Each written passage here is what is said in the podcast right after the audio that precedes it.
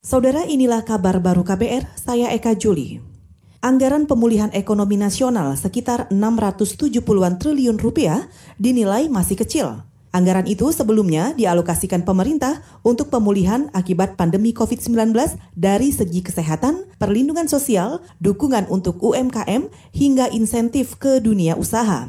Pengamat ekonomi dari Center of Reform on Economics atau CORE Indonesia, Peter Abdullah menilai anggaran itu masih kurang dengan proyeksi kebutuhan pemulihan ekonomi Indonesia. Tapi kalau untuk menyelamatkan ekonomi kita ya nggak besar. Kalau hitungan kami itu kecil, ya. masih kurang dibandingkan dengan kebutuhan perekonomian kita. Dan kalau kita bandingkan dengan negara-negara lain, ya, stimulus sebesar 600 triliun itu masih terlalu kecil. Bandingkan dengan Jepang, dengan Amerika, bahkan dengan Malaysia, ya, kita termasuk kecil. Pengamat ekonomi dari Center of Reform on Economics atau atau KOR Indonesia, Peter Abdullah, menganggap rendahnya anggaran pemulihan ekonomi itu sebagai hal wajar sebab krisis akibat pandemi COVID-19 ini membuat lembaga dan otoritas di bidang keuangan menimbang berkali-kali untuk mengeluarkan kebijakan stimulus seperti membiayai penerbitan surat utang maupun pembiayaan dari bank sentral.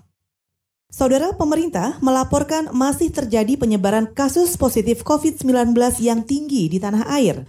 Juru bicara pemerintah untuk penanganan COVID-19 Ahmad Yuryanto menyatakan hingga Rabu siang terjadi penambahan kasus positif sebanyak 684 orang. Total yang kita periksa sampai dengan saat ini adalah sebanyak 354.000 434 spesimen. Dari pemeriksaan ini kita mendapatkan kasus konfirmasi positif sebanyak 684 sehingga totalnya menjadi 28.233. Juru bicara pemerintah untuk penanganan COVID-19 Ahmad Yuryanto juga menyebutkan masih terjadi peningkatan di antaranya di Jawa Timur sebanyak 180-an kasus, di Jakarta 80-an kasus, sedangkan untuk pasien yang terkonfirmasi sembuh bertambah 470-an. Dengan demikian, total 8.400-an pasien COVID-19 di Indonesia dinyatakan sembuh. Sementara kasus kematian bertambah 35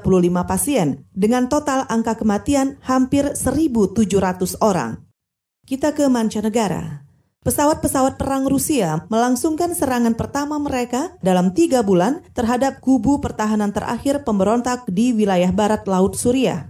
Kata sejumlah aktivis oposisi, serangan udara terhadap provinsi Idlib dan sekitarnya itu merupakan yang pertama sejak kesepakatan gencatan senjata diberlakukan Maret lalu.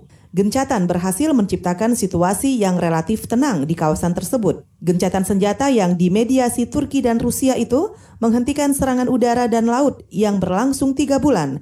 Akibat serangan itu, ratusan orang tewas dan sekitar satu juta orang melarikan diri ke perbatasan Turki. Rusia adalah pendukung utama pasukan Presiden Suriah Basar al-Assad, sementara Turki mendukung oposisi. Dalam beberapa tahun terakhir, Moskow dan Ankara menjadi pialang kekuasaan di Suriah yang diguncang perang saudara sejak 2011. Saudara, demikian kabar baru. Saya Eka Juli.